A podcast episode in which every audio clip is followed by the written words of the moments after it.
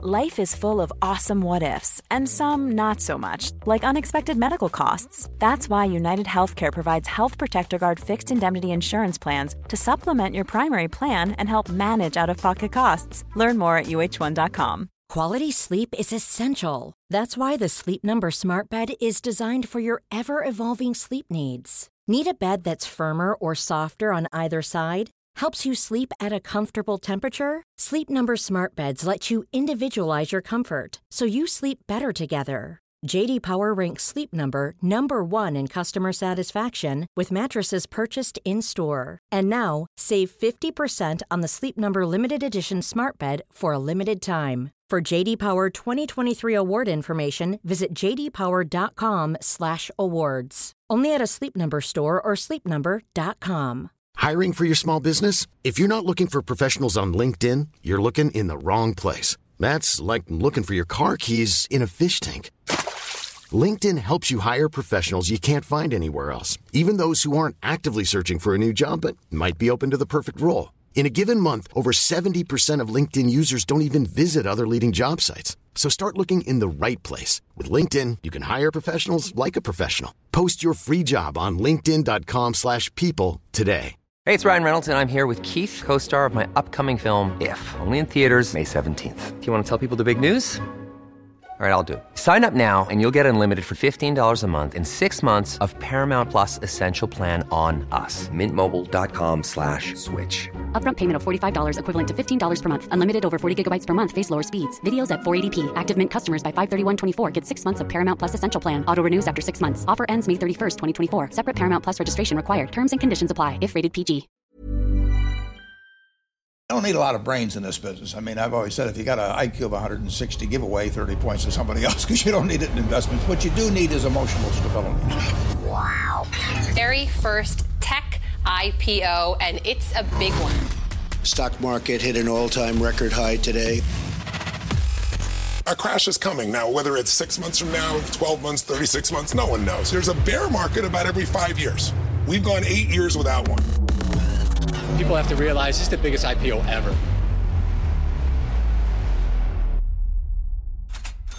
Hej och välkommen till ett nytt avsnitt av Market Makers. Vi har goda nyheter, eller hur Fabian? Det är jul snart. Det är det, jajamän. Det kommer bli härligt. Det var i och för sig ingen nyhet för de flesta tror jag. Men Niklas, ja. väldigt viktig fråga. Vad är din favoritjulfilm? Min favoritjulfilm, det är nog kanske Ensam Hemma. Men det brukar vara så att folk ska svara Die Hard för att de ska det vara lite så coola är och cool roliga. liksom. Ja, och Men det är faktiskt så, cool. Ensam hemma är min favoritjulfilm också. Sjukt underskattad film. Härligt, och det är därför vi gör podd tillsammans, för vi tycker likadant om allt. Så är det. Nej, den goda nyheten var att de ringde mig från EFN. De hade hört att du hade skrivit in och klagat och tyckt att det var tråkigt att bara jag fick vara med. Så nu ska även du få vara med. Och då kommer det vara så, uppesittarkväll 17 december. Det är för att eh, de är lite lata på EFN helt enkelt. De vill inte jobba den 24 december innan eh, löning då. Eh, den blir, löningen blir kanske tidigare. Så därför kommer vi dit och tar över. Ja, poängen är för att 17 december, det är nu på måndag alltså när du lyssnar på det här. Eh, så måste du titta på, på uppesittarkväll helt enkelt på EFN. Det sänds live över YouTube eller vad fasen det är. Jag Det vet- blir svinkul. Vi kommer ta med massa roliga grejer. Vi har bland annat förberett lite julklappar. Det kommer bli kul. Ja. Ingen, ingenting mer om det nämner vi. Eh, sen är det massa spännande grejer. Nästa vecka då kommer ett avsnitt som vi kallar för julavslutning eller någonting sånt. Det är samma som vi gjorde förra året egentligen. Ja, klappar ihop hela året. V- Ja. Vad har hänt? Eh, hur har det gått? Ja, och vad tror vi om nästa år? Hur gick våra prognoser från förra året framförallt? Det var väl inte det var ingen direkt rolig prognoser, läsning. eh, sen kommer vi även släppa ett avsnitt med Kvalitetsaktiepodden. Det, vi om. Det kommer bli riktigt kul. Och sen Och- kommer det och- massa... Det bästa med den podden, jag kommer på den perfekta titeln till avsnittet. Är det någon som kan gissa vad titeln till avsnittet kommer vara? Skriv det i kommentarerna. Det kommer bli jätte... Nej, jag är Då kan, man stolt vin- över då kan man vinna någonting. Ja, du kan säkert vinna någonting. Ja.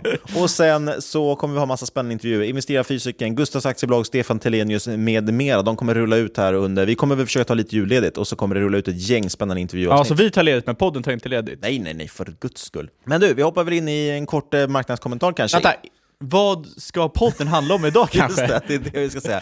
Idag ska vi faktiskt prata om guldbolag, eller gold miners. Och vi hörde vad ni sa för några veckor sedan. Ni tyckte verkligen om det här med powerpoints, så vi har ju satt oss och gjort en powerpoint för det här avsnittet. Ja, så tanka det måste- powerpointen! Ja, det måste vi också säga. Och då funkar det så här, så här kommer det alltid vara nu när vi har powerpoints. Då är det så att man går in, antingen går man in i avsnittsbeskrivningen, där finns en direkt länk till powerpointen. Alternativt så går man in på marketmakers.se.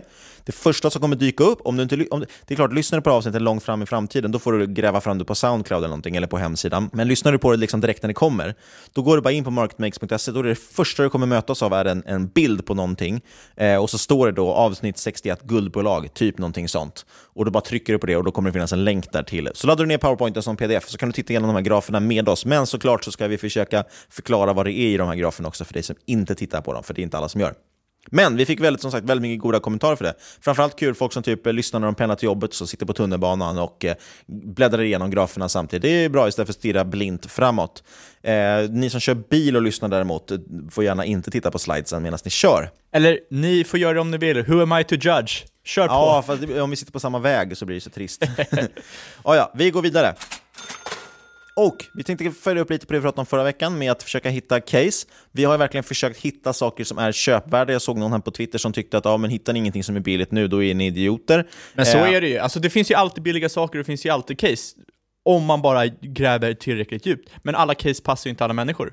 Nej, och framförallt så är det så att problemet just nu är att det mesta som är billigt håller på att liksom tappar fundamenten. Ska säga. Att vi, vi pratar om det, tittar man till exempel på multipel som PRA, price earnings, så är det ju så att ja, visst, priset har gått ner, men vinsterna kommer antagligen också revideras ner och då blir det inte billigt. Eh, så det, det, ser inte så billigt ut om man kollar lite framåt enligt oss. Då, på, som sagt, sen har ju inte vi tittat på alla bolag i hela världen, det finns ju ett par tusen att titta man på. Man tittar på det man är intresserad av. Ja, eh, men och som sagt, man, sen kan man hitta sådana saker som emerging markets, som många som pratar om. Det har fallit mycket, i synnerhet Kina då kanske. Och där har vi haft mycket koll på och tittat. Eh, det finns många intressanta bolag här och mycket som ser jätte, jättebilligt ut. Tyvärr så saktar ju liksom ekonomin in, framförallt då i Kina bland annat. Eh, och amerikanska dollar blir dyrare, vilket gör att emerging markets blir lite svårare. Så gör att de här värderingarna är ändå inte, finns en anledning till att det är billigt och vi tror inte att kanske riktigt att det är köpläge än. Vi kommer säga till när vi tror det. Ja, eh, Japan är också ett exempel på något som har varit intressant. Och där har ju marknaden stått stilla under en eh, relativt lång tid. Och eh, vi tyckte att man började se en vändning där när man blev liksom lite mer aktieägarvänlig med återköp, döda höjda utdelningar och eh, förhoppningsvis en vändning i ekonomin. Men eh, nu har man istället fortsatt i den negativa trenden och eh, ekonomin fortsätter att stagnera. Det är ju så att Japans BNP sjunker nu i Q3 med 2,5 procent eh, om man drar ut det på helåret och det gör ju till den sämsta siffran sedan Q2 2014.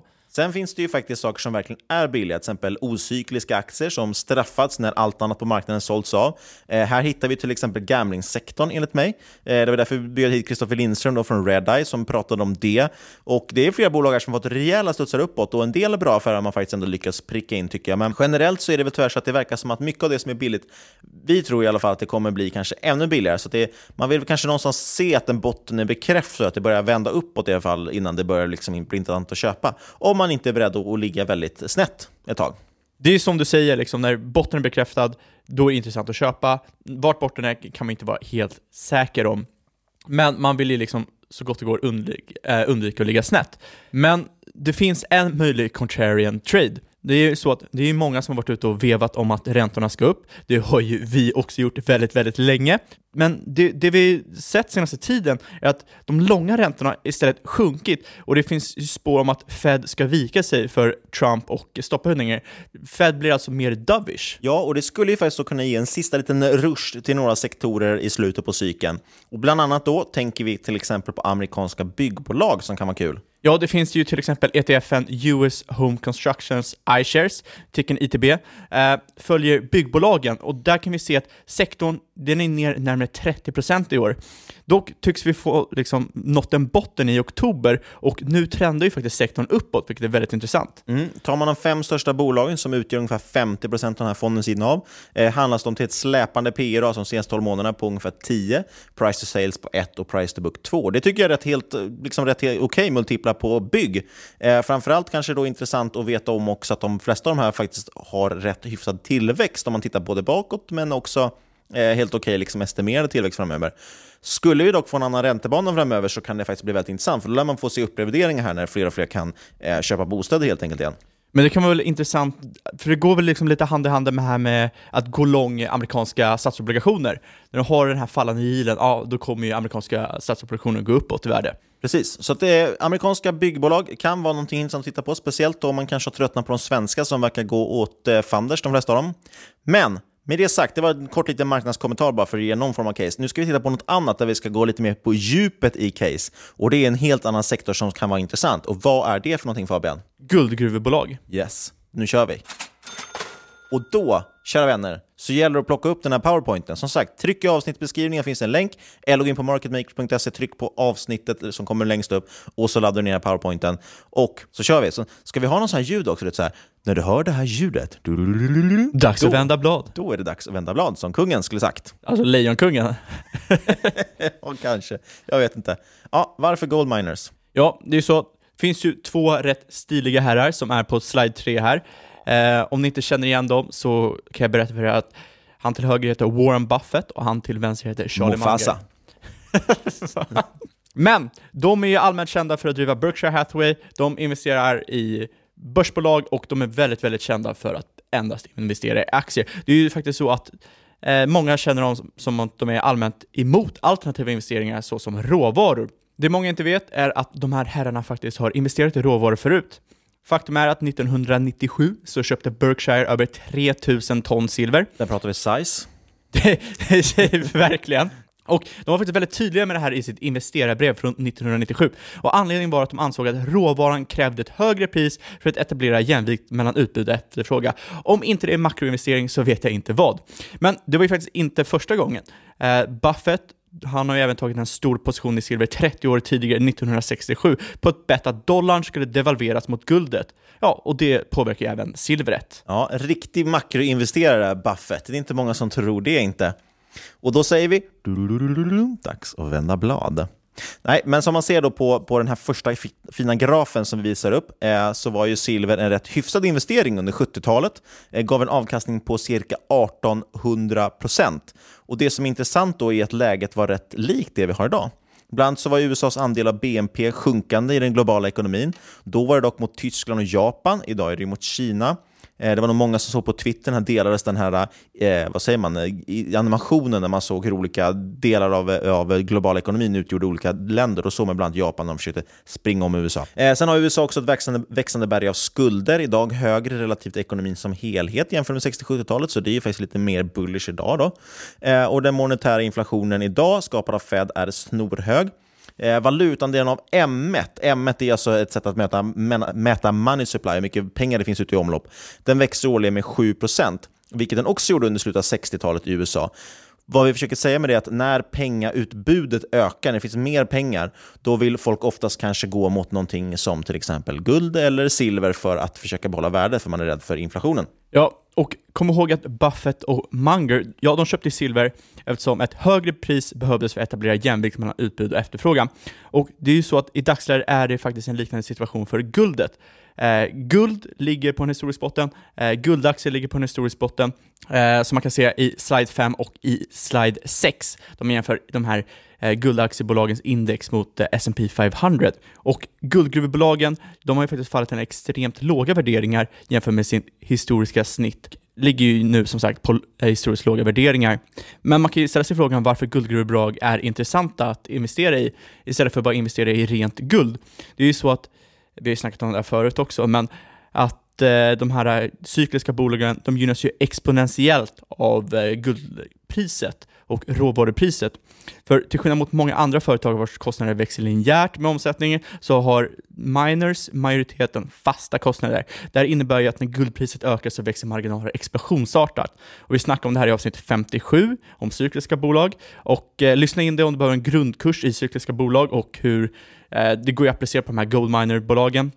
Sen spanade jag ett avsnitt 58 med Erik Strand, som förvaltar en ädelmetallsfond för att få lite insikt i olika ädelmetaller.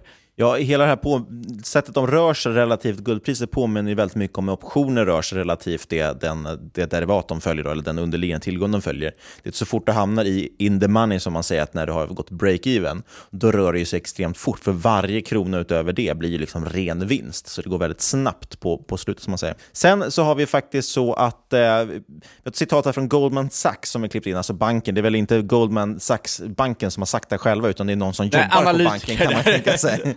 Uh, we see diversification value in adding gold to portfolios. If US growth slows down next year, as expected, gold would benefit from higher demand for defensive assets. Alltså, om man tror på det här som vi har pratat om och många andra pratar om också nu, att ekonomin kommer sakta in i USA, Ja, då tror Goldman Sachs att det finns en, en stor fördel med att ha guld för att folk söker sig till mer defensiva tillgångar. Eh, det har vi sett då med också den här, det är intressant just med att både guld och dollar har stigit, någonting vi kommer komma in på senare. Men som sagt, guld och guldgruvbolag har varit extremt nedtryckta senaste året och det har faktiskt varit en rejäl förlustaffär. Och vad säger att det ska vara annorlunda nu då? Jo, bland annat har vi då till exempel investmentbanken där Goldman Sachs som är rätt bullish på guld inför 2019. Men frågan är, spelar det någon roll egentligen? Slår man upp slide 8, ja då ser man ju faktiskt guld mot eh, amerikanska dollarpriset. Eh, och eh, ja, vad man säger, kursen där. Och eh, det är så att börsen är orolig nu och eh, många hävdar ju att investerare flyr till guld i ekonomiska oroligheter, att det är en hedge mot ekonomiska oroligheter. Men det är faktiskt rätt svårt att kalla guld för en defensiv tillgång eftersom den amerikanska dollarn rent historiskt sett brukar vara valutan som investerare köper när ekonomisk tillväxt faller. Och det här är faktiskt negativt för guld eftersom det finns en negativ korrelation. Ja, och det, det, som... det, betyder, alltså om ingen vet vad det betyder, att när amerikanska dollarn går upp så går guldet ner. Historiskt ja, sett. Historiskt sett. Sen finns det då flera tillfällen när det inte har stämt. Eh, någonstans kanske man snarare ska se guld som en försäkring just mot politiska oroligheter och krig och sånt. Då brukar oftast guldet stiga tillsammans med dollarn. Eh, och det man pratar med, med många som vill ha dollar, det handlar ju ofta också om att eh, ja, men generellt när folk säljer av aktier och så vidare, tekniskt sett det man gör då är att man också tar in dollar som position. Man vill ju ha mer dollar. Men det som då talar för att guldet skulle gå starkt, Eh, ja, förutsatt att den här korrelationen mellan dollar och guld håller. Något vi har sett att den till exempel inte gjort. Ja, som sagt, det finns historiska tillfällen bland på 70-talet. Sen har vi även sett nu i höst, eftersom guldet då varit mer liksom, följt kinesiska yuan under hösten. Eh, men om den följer, dollar och guld håller en korrelation, så är det rätt intressant att se att dollarpositioneringen just nu håller på att rulla över, likt den gjorde 2016-2017. Vilket då skulle kunna innebära svaghet i dollarn, vilket är positivt för råvaror. Och det är inte så konstigt med tanke på att dollarn har gått extremt starkt. Då. Vi har där eh, på slide 9 en extremt rörig graf, men där kan man se just positioneringen i dollar. Då. Ja, utöver det så prisar ju futuresmarknaden nu in under 20 baspunkters höjning från Fed under 2019, vilket är väldigt, väldigt intressant som ni ser på slide 10. Och det är ju så att en stor anledning till att det här rallyt i den amerikanska dollarn i år, det har ju faktiskt varit på grund av räntan och eh, Feden. Precis, det är många som vill äga dollarn för att det är en av de få bankerna, stora centralbankerna i världen där man faktiskt höjer räntor. Det är intressant att, finnas i det landet helt enkelt. Den, den typen av valuta måste du ha för att köpa deras tillgångar. Sen ser vi också att marknaden för dock för guld, den är ju extremt bearish, den är ju väldigt negativ. Trots inflödet till guld-ETFer så ligger faktiskt då non-commercials-positioneringen, alltså investerare som inte är involverade i produktion, processering, merchandising och guld, just nu i en nettokortposition. Eh, jag ska bara bryta ner den lite så att folk förstår vad jag menar. Non när vi säger commercials, det är ju alltså de som faktiskt använder guldet till någonting och jobbar med guldet, gör smycken och gräver upp den och allt vad det är. Non-commercials är ju de som då investerar i det egentligen. Eh, och De ligger då nettokort där de tror på en nedgång för, do, äh, för guldet. Och Den här positioneringen är faktiskt lägre än under botten 2016. Eh, men som man sett tidigare i den här cykliska sektorn så innebär ju bottning av en bear market ofta hundratals, till och med kanske tusentals procent i uppsida. Det Oj, det var håsigt sagt! Ja, verkligen. Men vi kanske ska hoppa in lite djupare på bolagen som finns. Och på slide 13, ja då ser man ju en sammanställning av de största guldgruvbolagen och det är även komponenterna i indexet GDX. Och till vänster ser man bolagstickern och viktning GDX och i tredje kolumnen ser man varje bolags produktion i ounces ren guld för Q3 18 och year skillnaden jämfört med Q3 2017. Efter det så kommer det två viktiga parametrar eh, som vi ska gå in lite djupare på och det är cash costs, det vill säga kostnaden att producera varje ounce guld, samt all in sustaining costs per ounce. Och det senare det driver ju lönsamheten och därmed aktiekursen. Och sist men inte minst så inkluderas även operativt kassaflöde, vinst, omsättning och kassa i termer av förändring year on year. Och eh, tabellen ger en otroligt bra översikt över industrin, eh, över de största guldgruvebolagen och eh, det ger ju rätt fin kvantitativ blick på vad som händer i bolagen just nu. Och då, viktiga parametrar att undersöka. Först och främst har vi ju då cash cost per ounce. Det visar egentligen överlevnadsförmåga nu när guldpriset är nedtryckt och visar liksom, ja, nivån som guldet behöver säljas på för att kunna fortsätta driva gruvorna. Vad har man egentligen för kostnad för att ta fram varje viktenhet av guld? Det här innefattar egentligen alla cashutgifter för att producera, smälta, förädla guld och så vidare.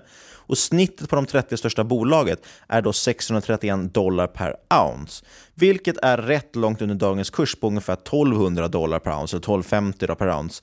Så länge guldpriset håller sig över cash cost för produktionen så är bolagen inte direkt hot för konkurs. Vad vi menar med det är att skulle då priset på guld gå under, alltså de här 630 dollar per ounce, ja, då kommer gruvorna helt enkelt få stänga ner, för då börjar de blöda pengar. Sen har vi en annan parameter, det är all in sustaining cost. Den visar vart guld behöver vara för att behålla verksamheten i sitt nuvarande läge. Och Det är trots allt rätt stor skillnad på företag som opererar optimalt jämfört med bare minimum för att undvika konkurs. Och Det här nyckelin, nyckeltalet då innebär egentligen att man tar cash cost plus kostnaden för att upptäcka och köpa nya gruvor och upptäcka nytt guld, samt alla kostnader liksom på bolagsnivå, vad det än kan vara, marknadsföring och, och representation och dyra resor. Snittet då, för de 30 största bolagen, ja, det är 877 dollar, så vi hörde, ser alltså att det här är ett lite högre pris. Och Det innebär att ungefär 30% vinstmarginal har man på dagens guldpris. Det är rätt bra. Om det finns ett nyckeltal att hålla koll på så är det detta. All in sustaining cost, det är väldigt viktigt. Ja, och på slide 15 så ser man en sammanställning över juniorbolag. Slide 13, det var lite större bolag. Slide 15 är de som ska vara lite mindre. Det här följer de här två ETFerna, GDX och GDXJ. Exakt. J för junior. Och juniorbolag, det är sådana som producerar under, jag tror det är cirka 200 miljoner ounce per år, i vissa fall kan det vara 300 miljoner ounces. Och eh, snittet för dessa små bolag är en cash cost på 629 dollar och all in sustaining cost på 877 dollar. Ska jämföras med guldpriset nu ligger på cirka 1250 dollar. Men det är kanske är lite krångligt, lite läskigt att kolla på de här bolagen. Eh, det man kan tänka sig det är att eh, är det en grön cell? Bra. Röd cell, dålig. är det en grön cell så har ju det förbättrat sig eh, year on year, alltså från förra året, från förra Q3 förra året. Är det en röd cell så har det blivit sämre. Det som är väldigt intressant att titta på är till exempel hur mycket guld som har producerats. Det ser man i den här tredje kolumnen. Hur mycket den guldproduktionen har ökats över år. Sen hur mycket eh, det kostar Hiring for your small business? If you're not looking for professionals on LinkedIn, you're looking in the wrong place. That's like looking for your car keys in a fish tank. LinkedIn helps you hire professionals you can't find anywhere else, even those who aren't actively searching for a new job but might be open to the perfect role. In a given month, over 70% of LinkedIn users don't even visit other leading job sites. So start looking in the right place. With LinkedIn, you can hire professionals like a professional. Post your free job on linkedin.com slash people today. Life is full of what-ifs. Some awesome, like what if AI could fold your laundry? And some, well, less awesome, like what if you have unexpected medical costs? United Healthcare can help get you covered with Health Protector Guard fixed indemnity insurance plans. They supplement your primary plan to help you manage out of pocket costs. No deductibles, no enrollment periods, and especially no more what ifs. Visit uh1.com to find the Health Protector Guard plan for you.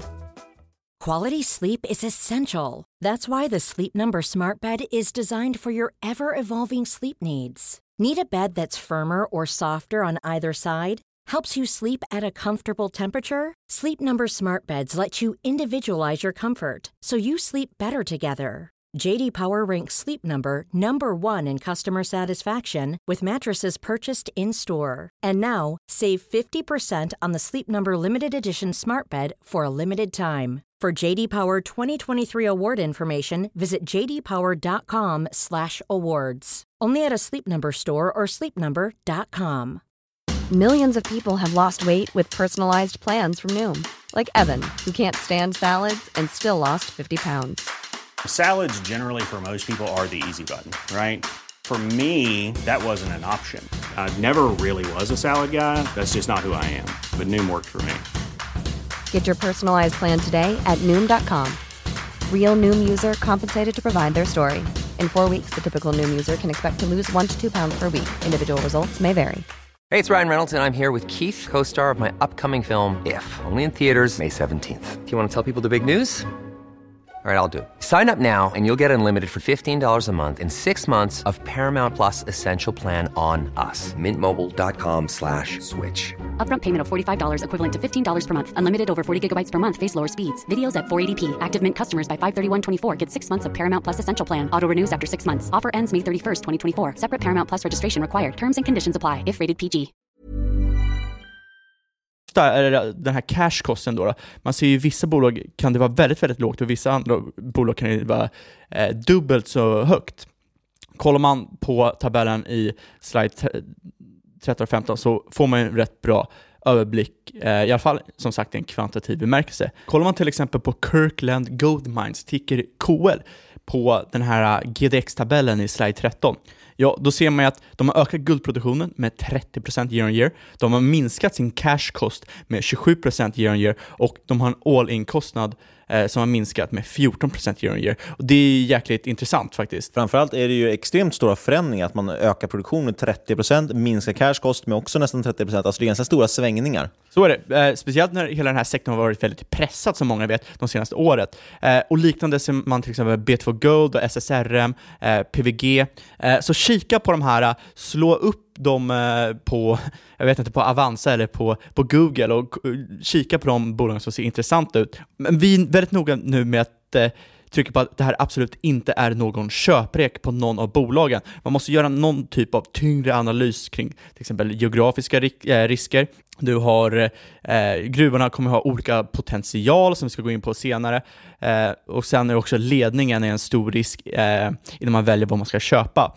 Och just nu har vi i stort sett bara kollat på det kvantitativa, men flera bolag har ändå presterat rätt bra, trots som sagt pressen i sektorn. Och då är speciellt Kirkland ser ju väldigt attraktivt ut, som vi ska snacka lite mer om. Det jag tycker framförallt är väldigt synd, det är ju eftersom vi har blivit av med många ETF, för det finns fortfarande en del man kan kika på. Jag kan ju tycka, med, när man vill ha den här typen av liksom mer sektorexponeringar och, och försöka då minimera bolagsrisken, då är det ju så intressant att kunna plocka in just ETF eller, eller vanliga fonder. Då. Just för då får du ju hela korgen och då minimerar du, då får du en bättre diversifiering. Så är det. När jag lyssnar på och läst om många liksom, cykliska investerare, det är ju väldigt många som investerar som faktiskt bara helt fokuserar på cykliska aktier. Det är faktiskt väldigt många som för att det, vi ska gå in på det också, varför det finns sån specifik bolagsrisk. Eh, då väljer de snarare att köpa en korg av aktier över intressanta aktier. Och då kanske de lägger in liksom lika mycket som de brukar lägga in i en aktie vanligtvis, eller kanske på två aktier. Delar de ut spritt över flera aktier så att de gör någon typ av mini-index. Precis. Men vi hoppar in på Kirkland. Vi tar dem som, är, som exempel då för hur man kan eh, lite i alla fall kika noggrant på ett bolag. Tittar vi på slide 16 börjar vi med det, visar lite härliga grafer. Eh, Kirkland då, de har fyra verksamma gruvor, tre i Kanada, en i Australien, ganska trygga länder. Framförallt den sistnämnda då, i Australien, så har de en Fosterville-gruvan, heter den kommer troligtvis ha väldigt stark produktion i närtid. Fosterville förväntas leverera ungefär 400 000 ounces guld 2020. Det är 20% högre än 2018, alltså man kommer de kommande två åren öka produktionen med ungefär en femtedel. Och det här borde ge en rejäl boost för kassaflödet vilket man kan se på den här slide 16 då, uppe till vänster där vi ser cashflow från eh, just Fosterville. Då. Och eh, där ser man en stark korrelation också just mellan Kirk Kirklands cashflow och ebitda från den här Fosterville-gruvan. Eh, det är inte så konstigt då med tanke på att 70% av deras vinst faktiskt kommer från just den här gruvan. Det är ju så att eh, Fosterland-gruvan är så pass lönsam att Kirkland Eh, har fått höja guidance flertalet gånger under 2018 och gruvan kommer enligt guidance prestera eh, närmare 100 000 ounces guld i Q4 2018, vilket ja, det kommer bli den högsta kvartalsproduktionen i historien faktiskt, vilket är lite intressant. Men per den 3 december så tradar Kirkland runt 9 i EV ebitda som man ser på eh, slide 17, rätt intressant här man ser flera av dess peers. Och e- 9 i EV ebitda kan låta väldigt billigt, men det är faktiskt dyrare än många andra nedtryckta konkurrenter som tradar eh, kanske på en 3-5-multipel. Eh, Då är det relativt sett lägre risk i Kirkland, det måste man tänka på, eftersom det verkar i eh, till exempel Australien, som det finns inte lika mycket risker där, till skillnad mot kanske eh, ja, Sydafrika till exempel. Och med tanke på tillväxtpotentialen för de här guldgruvbolagen, den explosionsartade marginaltillväxten till exempel, eh, som kommer från ett ökat guldpris, är det fortfarande ett rätt intressant bolag. Eh, rent värderingsmässigt så finns det alltså flertalet bolag som ser attraktiva ut trots pressen eh, som sektorn blivit utsatt för i närtid. Men jag kanske ska hoppa in lite djupare på vad den här pressen faktiskt är.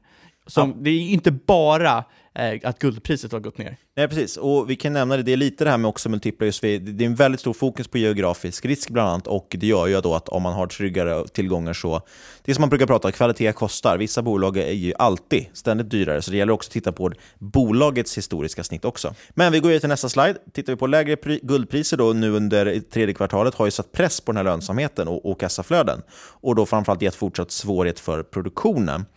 Eh, produktionstillväxten har ju länge varit det man satsat på eftersom det inneburit tillväxt för företaget och såklart aktiekursen. Men idag är det faktiskt svårare att hitta guldgruvor som är ekonomiskt gångbara eftersom gruvorna blir svårare och dyrare att exploatera. Det är samma sak vi ser i olja eller vad de flesta tillgångar, att det, när, när det börjar ta slut, eller någon gång tar det slut för din ändliga resurs. Ja, men det är som när du ska plocka äpplen, du plockar de som är längst ner på trädet. Precis. Sen, de- desto fler du plockar måste du ta fram en stege och tills klättrar upp i trädet, då blir det farligare och farligare. Liksom. Om man inte är universal, universalgeni och sitter under ett träd bara så faller äpplena ner i huvudet på en. Eh, många industri, industriexperter pekar på att vi börjar nam- närma oss det som kallas för peak gold. Och många kommer säkert ihåg peak oil som man pratade om förr i tiden. Men nu tror man att det är peak oil där global produktion kommer avta. Vad händer då? då? Det blir spännande. Senaste åren har faktiskt nya gruvor inte hållit takten överhuvudtaget med om man tittar på liksom förbrukade gruvor. Vilket innebär att mängden gruvor avtar. Eller framförallt egentligen tillväxten avtar, men så småningom kommer det leda till att antalet gruvor också avtar. Och det tittar man då från föregående år, alltså year over year, eh, för det här senaste kvartalet nu, då minskade snittproduktionen med 2,9 procent, alltså nästan 3 procent lägre snittproduktion. Och dessutom är det svårt för många större gruvor att växa organiskt när de redan är väldigt stora. Eh, inte så himla konstigt att tänka på det. Det är alltid law of large numbers. Desto större något blir, desto svårare är det att växa mer. Ja, och det innebär i stort sett att de här gruvbolagen, ja, de är rätt desperata. De har ju faktiskt börjat köpa upp andra gruvor och eh, bolag eftersom de inte kan få fart på nya, eh, de kan ju inte få fart på de här projekten i tillräckligt snabb takt eh, som de förbrukar gruvorna, som Niklas sa. Och börsen kräver ju alltid tillväxt och vad ska man då hitta tillväxt om man inte har något organiskt? Ja, då börjar man med förvärv istället. Så är det. Och det här sågs ju väldigt nyligen när Barrick Gold, eh, som köpte upp och nu ska mergas med Rand Gold Resources. Och det är alltså världens näst största miner som köpte världens tionde största miner. Jag vet inte om det är superbra ur den här, eh, för de lär ju ha båda rätt liksom exploaterade gruvor. Eh, och det här med peak gold lär ju ha drabbat båda dem. Eh, men det är i alla fall någonting man måste vara väldigt uppmärksam eh, med, det här med peak gold. För det kommer påverka alla gruvor väldigt, väldigt mycket framöver. Och då när man har en konsolidering i branschen, alltså bolag köps upp, då kanske någon börjar tänka att ah, men då ska man passa på att köpa de här äh, små gruvorna, för de lär ju vara, eller små gruvbolagen, för de är ju billigare i pris. Men det kan finnas en stor risk i det och det kommer vi komma in på alldeles strax. För nu ska vi prata risker. Jo, det är ju så att värderingar, de svänger ju alltid förbi vart de hör hemma. Det är ju som en pendel oavsett eh, om det är upp eller ner. Och det är ju så att fundamenta i de här cykliska bolagen, det är faktiskt rätt värdelöst. Speciellt på vägen ner.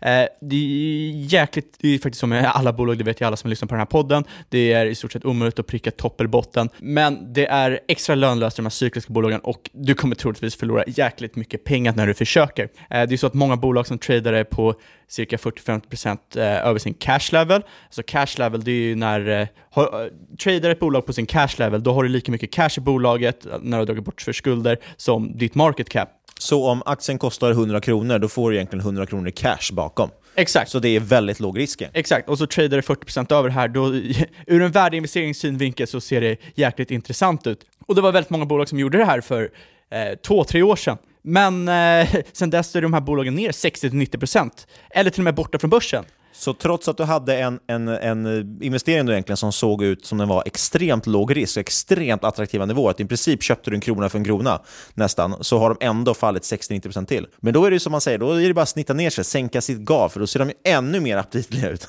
Men, så det vi ska säga för att eh, det går inte riktigt att köra buy and hold på de här cykliska bolagen över längre tid, för det finns en stor risk att du kommer förlora mer än du tjänar.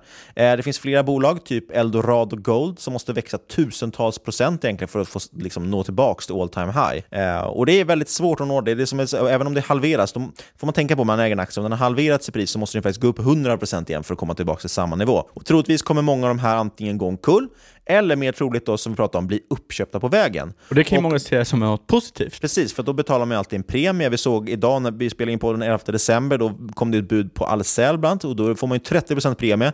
Problemet om du redan har då gått ner 90%, då spelar det ingen roll om du får en 30% i premie, du är ju fortfarande superback. Och det här med att bli utköpta innebär faktiskt en stor risk, för det är svårt att säga nej som liten aktieägare. Och det är inte, allt inte alls ovanligt att de här bolagen köps ut då, just kanske 60-80% ner från deras eh, högsta nivåer, där du kanske köpte då. Eh, tar vi Klondike, Klondex Mines och Tahoe Resources är två exempel på det här i närtid. Klondex de köptes ut av Hekla i år, 60% ner från toppen några år tidigare. Eh, inte en jätterolig affär då, trots att man köpte det på en bra nivå. Man tyckte man gjort en bra analys. Ja, så har vi ju Tahoe Resources. De blev uppköpta av Pan American Silver eh, för 60% över sitt 52 veckors lägsta. Woohoo! Premium! Det låter ju svinbra tills man inser att de köptes för ett pris 75% lägre än toppen 2016. Och vi har ju grafer på bägge det här, både 21 och 22. Det här är väldigt intressant. Här har vi markerat ut också när buden skedde, så ser man vilken dålig affär det är. För antagligen har man köpt någonstans på vägen ner här och eh, ja, man har fått ett rätt kastpris helt enkelt. Ja, tankesätt helt enkelt som eh, price is what you pay, value is what you get och buy when there's blood in the streets. Det är inte the way to go här. För historiskt sett är det inte en bra strategi att köpa cykliska sektorer som gruvbolag när sektorn är svag. Ehm, och de flesta investerare, de fl för det första, de flesta är inte så eh, insatta i sektorn, så de flesta gynnas av att vänta tills blödningen faktiskt har stoppat. Ehm, det vill säga vänta på en katalysator för guldet. Det här hänger ihop lite med det vi pratade om tidigare på den, vårt lilla marknadssvep, om man ska kalla det där vi pratar om att visst, det finns saker som börjar se intressanta och billiga ut på börsen. Generellt dock gör man så oftast en tjänst. Jag vet att det är jättemånga som tror att man inte kan tajma marknaden och redande, men du kan i alla fall ha ett, ett hum om vad man är. Man kan ändå titta vad, vad trenden leder någonstans. Jag kan säga så här, det handlar inte så mycket, kolla till exempel på makro, det handlar inte så mycket att uh, tajma marknaden, tajma investering. Det handlar mycket mer om någon typ av risk management. Ja, och, och det handlar inte liksom på något sätt om att man ska pricka botten med, med någon form av timing på dagen, utan det handlar snarare om att man kan faktiskt titta vad, vad, vad pekar de flesta liksom, eh, parametrar man tittar på? Och kan man då börja kanske snitta in sig någonting och bygga en position? Eller alltså, så man fall, man, det går ändå att ha saker i ryggen som gör att man, man kan se vilken riktning det borde ta vägen. Åt. Och gärna då, som vi pratade om, få en botten bekräftad. Så man kan ändå se att okay, men nu ser det ut som att det börjar vända, nu börjar det bli intressant igen. Och Det är först då egentligen det kanske börjar bli intressant att köpa till exempel guldbolag. Och då köper man dem fortfarande på väldigt attraktiva nivåer. Det är inte så att marknaden kraschar på en enda dag. Det är inte så heller att marknaden bara drar iväg 100% på en enda dag. Det är någonting som sker över lång, lång tid. Så att man har ingen brådska. Ja, framförallt så kollar man på bolag som till exempel Apple, ja, eller vilket bolag som helst, då finns ju alltid ett risk att du köper bolaget för dyrt och att det backar. Men det är inte troligt att någon kommer komma och köpa upp Apple när det fallit 50% på börsen. Men det är rätt troligt för de här guldgruvebolagen och det är ju rejäl wealth destruction något. Det går inte att ta, liksom, ta igen det, du kan inte leva på hoppet eller någonting. Hoppet är det sista som lämnar människan. Några andra risker då? Geografiska risker, det är en av de största grejerna kan jag tycka med, med just guldbolag. Som vi sa, de, många guldgruvor är ju i länder där det är väldigt stora politiska spänningar, kanske till och med regelrätta inbördeskrig och annat. Eh, det här pratade Erik Strand om bland annat lite kort i, i avsnittet vi gjorde med honom. Så pratade han om till exempel, han tyckte att eh, Lundin, då, Lundinfamiljen i Sverige var ju väldigt duktiga på att navigera här till exempel. Eh, men det är också känsligt, nu ska jag inte säga någonting om Lundin specifikt, men det finns ju en historik i många av de här bolagen att det är lite mutskandaler och korruption och så, för tyvärr är det ofta så businessen funkar kanske i vissa av de här länderna. Så det finns väldigt mycket sådana saker som är svåra, svåra att ta höjd för. Därför är diversifiering bra. Ledningen är också jätteviktig. Som vi sa, då, Lundin de var duktiga på att navigera till exempel. Har du en ledning som gör misstag, ja, då går det väldigt snabbt på nedsidan. Fonder de kommer klippa de här förlusterna snabbt för att få likviditet på sin sida. Och det här sätter sig flera guldgruvebolag senaste månaderna. Sen har vi skulder. Har bolaget höga skulder och låga marginaler, ja då kommer man svårt att bygga ut nya projekt med bättre marginaler, för de kommer ju ha svårt att hitta finansiering. Sen, givet risk, guldpriset har vi tagit upp flera, men vi ska inte glömma det.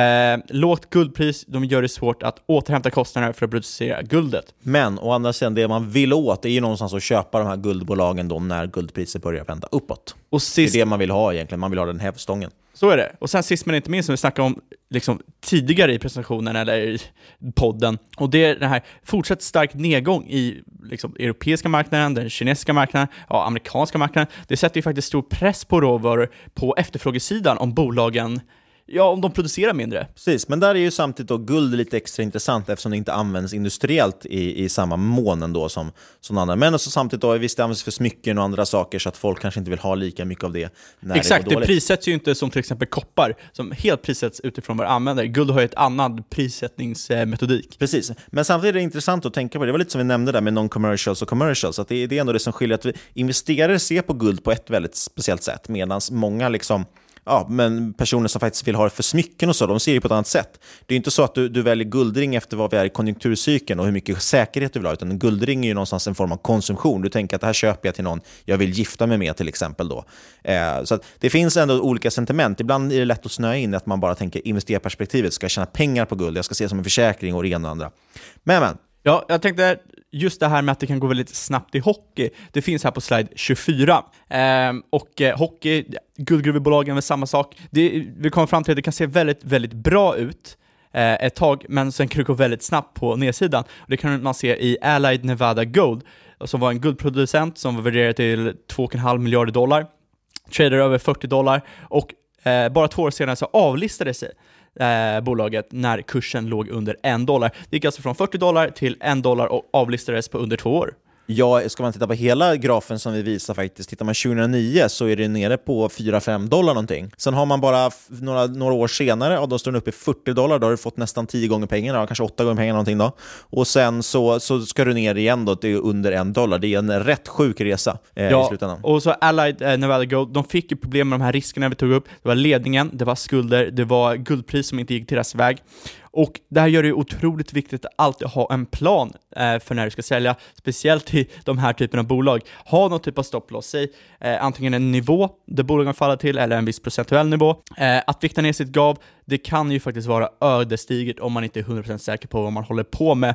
Och Troligtvis kan det vara så, jag är ledsen att säga det, jag vill inte eh, förstöra någon ego, men du kan ha fel i din analys om bolaget fortsätter backa. Och då utsätter du bara dig själv för wealth destruction. Två intressanta sätt att jobba på om man faktiskt hamnar i en position som går åt rätt håll, att den går upp så mycket som till exempel det här Airline Nevada Gold gjorde. Det kan ju vara antingen att titta på just glidande medelvärden som vi pratade en del om, MA200 till exempel, eh, eller så har du någon form av glidande stopploss som det kallar det vill säga att om du har satt att ja, men jag ska sälja så fort den har sjunkit 10%, den kan ju då glida med så att det är 10% från ditt högsta pris hela tiden.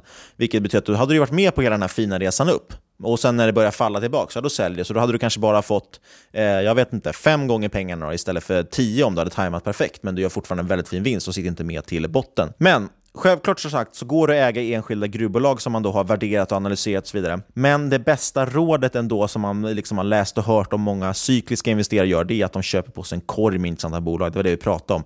Man vill eliminera bolagsrisker genom att ta in någon form av ETF eller fond eller så. Där vet jag att Anna Svan tror jag har skrivit något inlägg om lite alternativ då till fonder och, och så man kan titta på nu efter Mifid 2 när inte de här amerikanska ETFerna finns kvar i samma utsträckning. Och Då kan man också anpassa den här korgen geografiskt. Man kan hedga risker på ett annat sätt än om man bara köper ett enda bolag.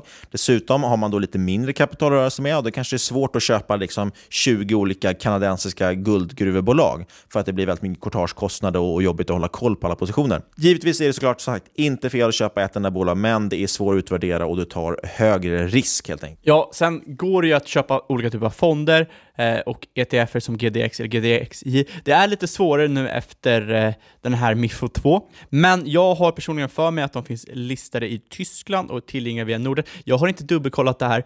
Eh, Nord, det ska sägas, vi är inte sponsrade av någon av dem. Nordnet har ju generellt bättre ETF-utbud. Man har varit lite frikostigare i tolkningen av reglerna. Men se upp för avgifter. Det var några månader sedan som eh, jag satt och kollade på eh, någon typ av ETF där och så var det en, jag tror det var någon eh, 2% köp, 2% säljavgift. Snyggt. Förutom courtaget då som du betalar. Eh, alternativt så eh, kan man kolla vad de här fonderna innehåller och köpa aktierna separat som Niklas sa, sätta ihop det till en korg. Eh, fördelen med att kunna köpa en fond i ETF, det är att man får exponering till bolag som är svår att få exponering till om man köper via en svensk eh, aktiemäklare. Eh, som retail-investerare, eh, till exempel australienska, australiensiska bolag. Jag vet inte, man kan säkert ringa in till Avanza, men jag antar att det kostar jävligt mycket. Så är det antagligen. Och som vanligt ska vi säga, inget av den här podcasten ska ses som rådgivning. Alla åsikter är våra egna eller vår gäst och eventuella sponsorer tar inget ansvar för det som sägs i podden. Tänk på att alla investeringar är förknippade med risk och sker under eget ansvar. Jajamän. Och eh, jag vet inte om vi ska dra en innehållsförteckning. Vi äger inte något av de här bolagen. Jag äger inte något av dem i alla fall. Nej, Eh, analys fortsätter, som man säger. Kontakta oss gärna på podcast.marketmakers.se. Säg till om ni tycker att det var för knepiga slides, för enkla slides, eller för mycket slides, eller för lite slides, eller vad det än kan vara. Och Exakt. man får jättegärna också kontakta oss på Twitter och då finns det faktiskt eh, längst ner i den här... Uppskattas faktiskt vä väldigt mycket om ni kommer med någon typ av kritik så vi kan förbättra det Vi har ju kört Verkligen. väldigt mycket bara sitta och snacka, mm. så det är kul att köra lite mer uppstyrt. Ja, men precis. Och eh, på sista sliden då kan man faktiskt se alla Twitter-handles som det heter. Glöm inte kväll nästa måndag, det blir ju svinkul. Eh, passa på kanske skicka någon fråga på Twitter också. Vi ska träffa Kvalitetstaxipodden igen, så skicka någon fråga om ni har det där så kanske vi kan klämma in den. Eh, och lätt, lämna jättegärna en recension på iTunes som vanligt. Det tycker vi är jätteuppskattat. Ja, det var väl det det. Ja, sist men absolut inte minst, stort tack för att du har lyssnat, kära lyssnare. Vi hörs igen om en vecka. Puss om ni inte ser oss på måndag på Uppesittarkväll. Ja, ja. Nej, men det måste ni göra. Det blir kul.